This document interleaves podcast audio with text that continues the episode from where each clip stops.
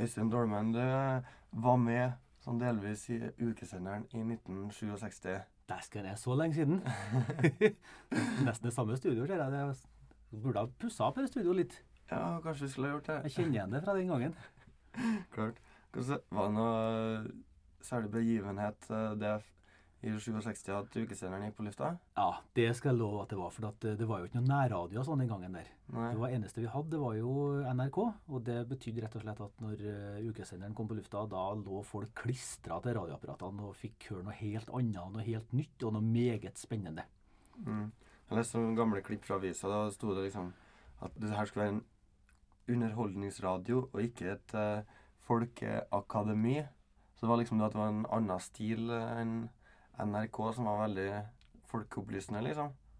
Ja, det var jo på mange måter så vil jeg tro at eh, ukesenderen var et eh, speilbilde av aktiviteten som foregikk i samfunnet. Og den aktiviteten var jo til dels meget underholdende, tør jeg påstå. Og Mm. meget sterk. Hvordan eh, drev dere og jobba her i 67? Nå må jeg kanskje tilstå det at, at jeg var jo egentlig ikke med i ukesenderen, for redaksjonen var allerede etablert. Og han som var ukesjef, det var Øystein Singsås, som nå er sånn eh, pressesekretær for, eh, for Gro Harlem Brundtland. Han drev den ukesenderen sammen med nåværende professor Skjeflo på sosiologi oppe på Dragvoll. Men så ville tilfellet at, at eh, de toene der Ja, det ble liksom ikke noe radio med det. De, de fikk aldri somla seg til å lage noe radio.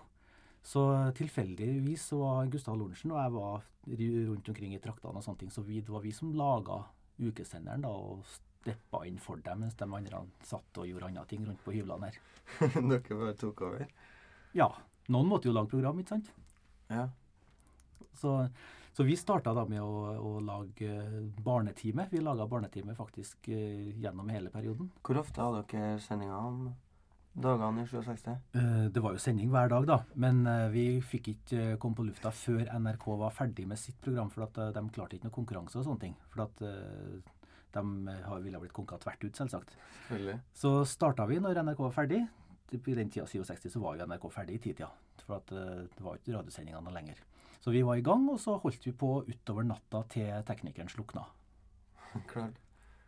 Var dere mange som uh, jobba i den eh, Var det mange som jobba i redaksjonen der, da? Ja, det var, det var da han eh, professor Skjeflo Altså han var ikke professor den gangen, da, Nei, nei. Han student Skjeflo og Øystein Singsås.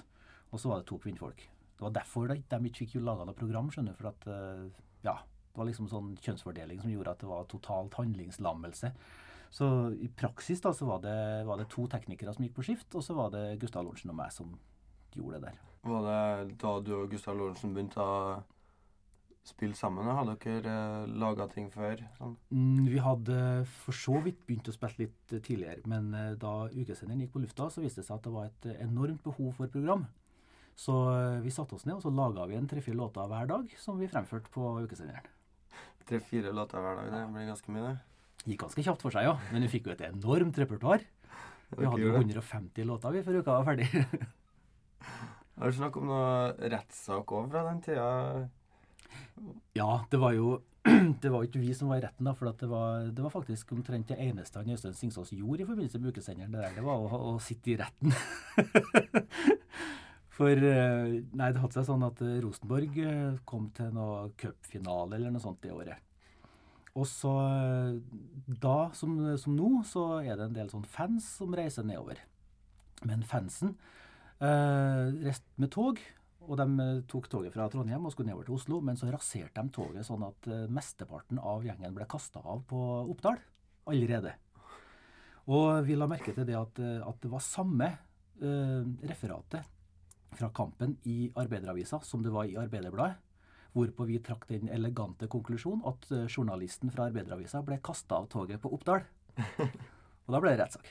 For det tålte de ikke.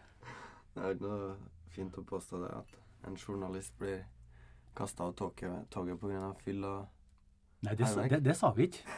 Vi sa bare at den ble kasta av, vi. Så enhver fikk jo trekke sin egen slutning, men, men vi syns jo at vi fikk gjort en, en liten innsats. For vi fikk jo aktivisert han Øystein Singsås da, på et vis, sånn at han jo fikk en måte representere ukesenderen litt.